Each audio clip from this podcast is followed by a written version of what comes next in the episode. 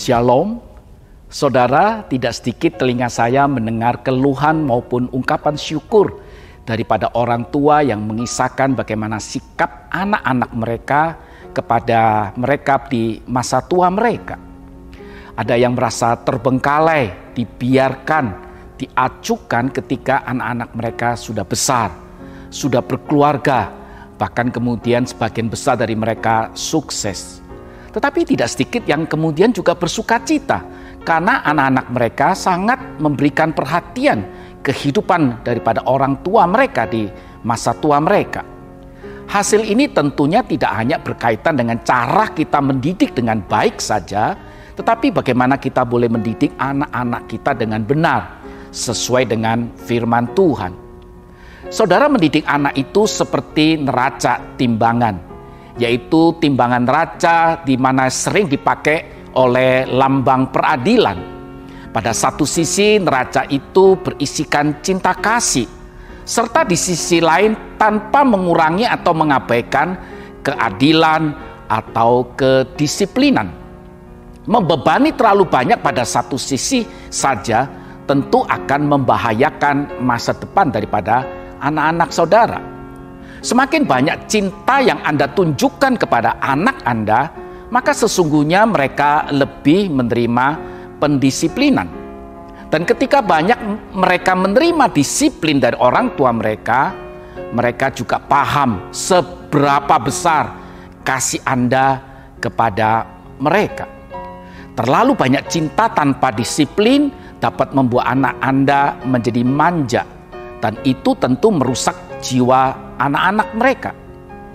Saudara yang dikasih Tuhan Yesus dan pada waktu nanti mereka besar, mereka merasa bahwa segala sesuatu gampang didapat.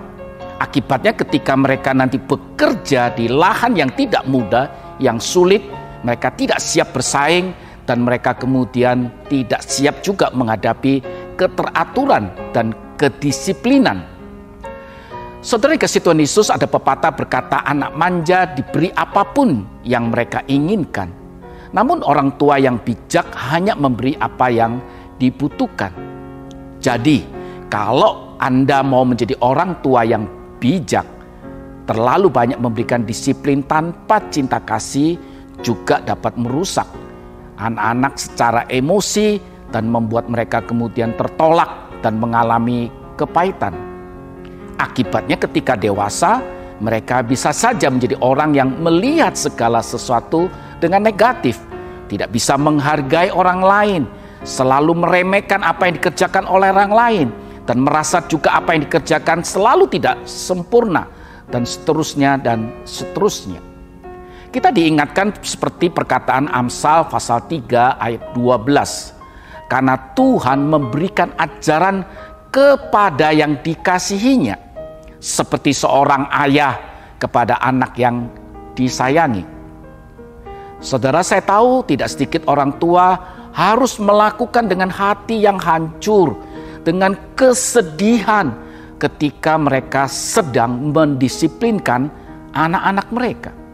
Ini memang tidak nyaman, tidak enak, serta diikuti, diiringi sebuah perasaan yang rasanya susah untuk melakukan itu.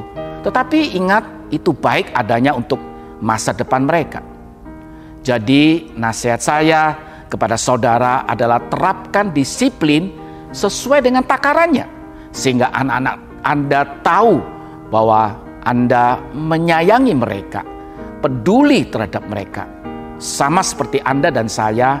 Jikalau kita mengasihi mereka, maka tidak mungkin kita melewatkan pendisiplinan pada mereka dan juga pada satu sisi kita tidak selalu memberikan kedisiplinan, tetapi juga ada cinta kasih, belas kasihan kepada mereka.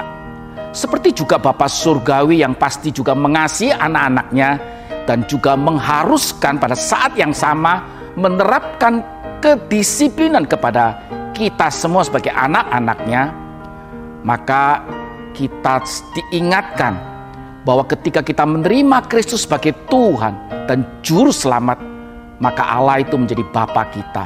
Dan ketika kita menjadi menjadikan Allah Bapa kita, maka kita diadopsi menjadi keluarganya. Itu artinya pasti dia akan mendidik kita dengan benar.